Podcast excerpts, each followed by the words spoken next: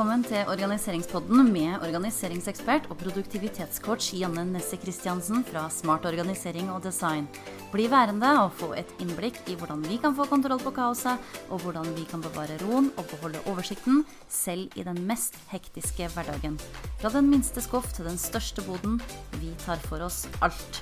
Brett opp ermene og la oss komme i gang.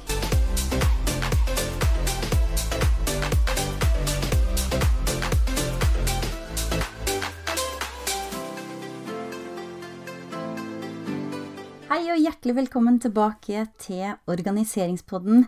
Janne fra Smart organisering og design her. I dag så tenkte jeg vi skulle snakke om vårrengjøring. Våren tror jeg er min absolutt favorittid.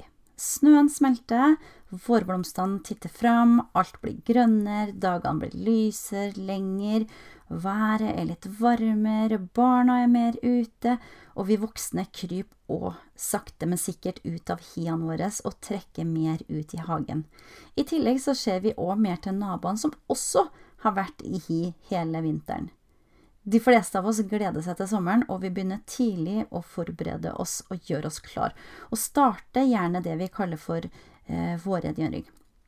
Rydde bort vinteren, alle tjukke klær, ta bort alt vi ikke har bruk for, vaske skuffer, skap og vinduer, rydde i hagen, rake, fjerne fjorårets kvister og blader, og gjøre klart til alt det nye som kommer.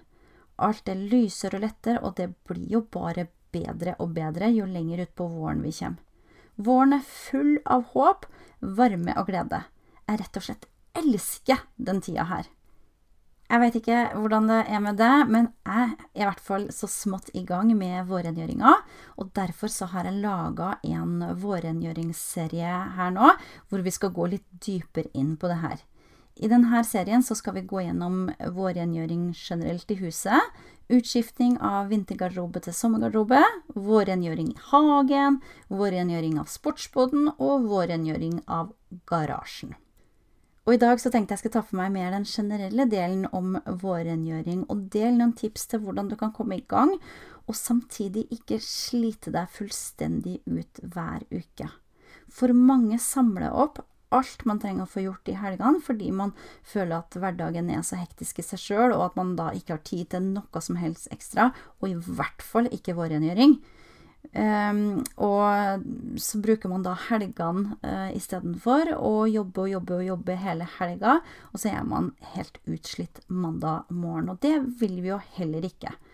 Uh, og for deg som har fulgt meg en stund, så vet du kanskje at jeg er veldig opptatt av å dele alt av rydding og organisering og prosjekter i mindre og mer overkommelige deler, sånn at du ikke skal bli overvelda i prosessen. Jeg syns at førjulstida er alltid så hektisk, så jeg prioriterer alltid den store rengjøringa mi heller på våren, når det er litt roligere, og dagene òg er litt lengre. Og da tar jeg for meg rom for rom, skuff for skuff, skap for skap, og i tillegg tar jeg en ekstra runde på all husholdningsmaskiner, fliser, bak, vaskemaskiner, kjøleskap osv. Og, så og på lista persienner, gardinstenger Ja, man tar kanskje noe vask av puter og pledd osv. osv. Mitt beste tips for å komme i gang med vårrengjøringen eh, For hvor skal man egentlig starte hen? Det kan virke veldig overveldende. Men jeg anbefaler å starte et sted du oppholder deg mye, f.eks. på kjøkkenet. Her skjer det meste i de fleste familier. Skuffer og skap skal vaskes over, og i tillegg så er det fint å ta en liten ekstra rengjøring i komfyr, mikrobølgeovn, fryser, kjøleskap bak fryseren og bak kjøleskapet. Eh, ja, Kanskje må du også ta en ekstra runde i eh, kaffemaskina. Det gjør man kanskje litt oftere, men da gjør du det samtidig. Brødrister osv. Alt du kan komme på av kjøkkenmaskina, kan være litt greit å ta en eh, ekstra rengjøring på. Men du må ikke ta alt på én dag. Og sånn som været har vært store deler av landet hver helg i det siste, så er ikke det å stå inne og vaske kjøkkenet det man har mest lyst til. Så her er det lurt å dele opp kjøkkenet i flere deler og ta litt og litt. Fem minutter her og der utgjør mye i det lange løp, og tar du deg fem minutter eh, til å vaske over en kjøkkenskuff, så skal du se at du får gjort unna ganske mye, også i hverdagen. Og starter du med én skuff du bruker ofte, så vil du òg eh, kjenne at eh, motivasjonen kommer raskt når du ser hvor fint det er i den skuffen du allerede har gjort klar. Og på kjøkkenet så har du òg barna tilgjengelig, som gjerne sitter i nærheten og leker, gjør lekser, tegner osv., og, så og da kan du kjapt få vaska litt mens de gjør andre ting. Eller hvorfor ikke ta de med på en del av våre gjøringer? De fleste barn, i hvert fall mens de enda er relativt små, syns det er gøy å hjelpe til og få lov å kjenne på at de faktisk gjør nyttig eh, for seg, de også.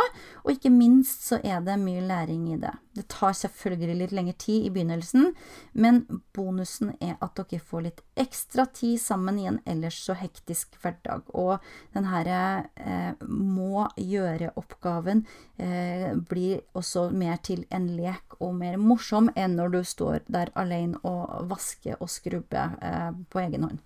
Og så har jeg et tips til helga. Eh, det er å legge inn alle typer inneoppgaver til tidlig på dagen før dere går ut, enten på tur eller i hagen, og også til ettermiddagen etter å ha vært ut noen timer. Og så er eh, planlegging som alltid en viktig bit i prosessen. Planlegg tida di. Hvilke oppgaver skal prioriteres, og når? Legg det inn i kalenderen for å sikre at det blir gjort.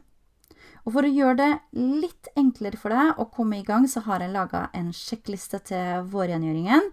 Eh, den kan du printe ut, laminere den hvis du har mulighet til det, og så kan du gjenbruke den år etter år. Jeg legger linken ned i eh, notatene her på den sida her, så kan du finne den eh, sjekklista ved å klikke på den linken. I neste episode så skal vi snakke om vårrengjøring i garderoben. Så frem til da får du ha masse lykke til. Jeg heier på deg. Og så høres vi igjen om ikke lenge. Ha det bra!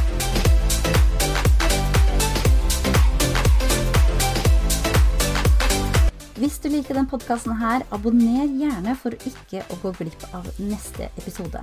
Og for flere tips, inspirasjon og ideer til dine organiseringsprosjekter, sjekk ut Instagram-profilen min et smart-organisering.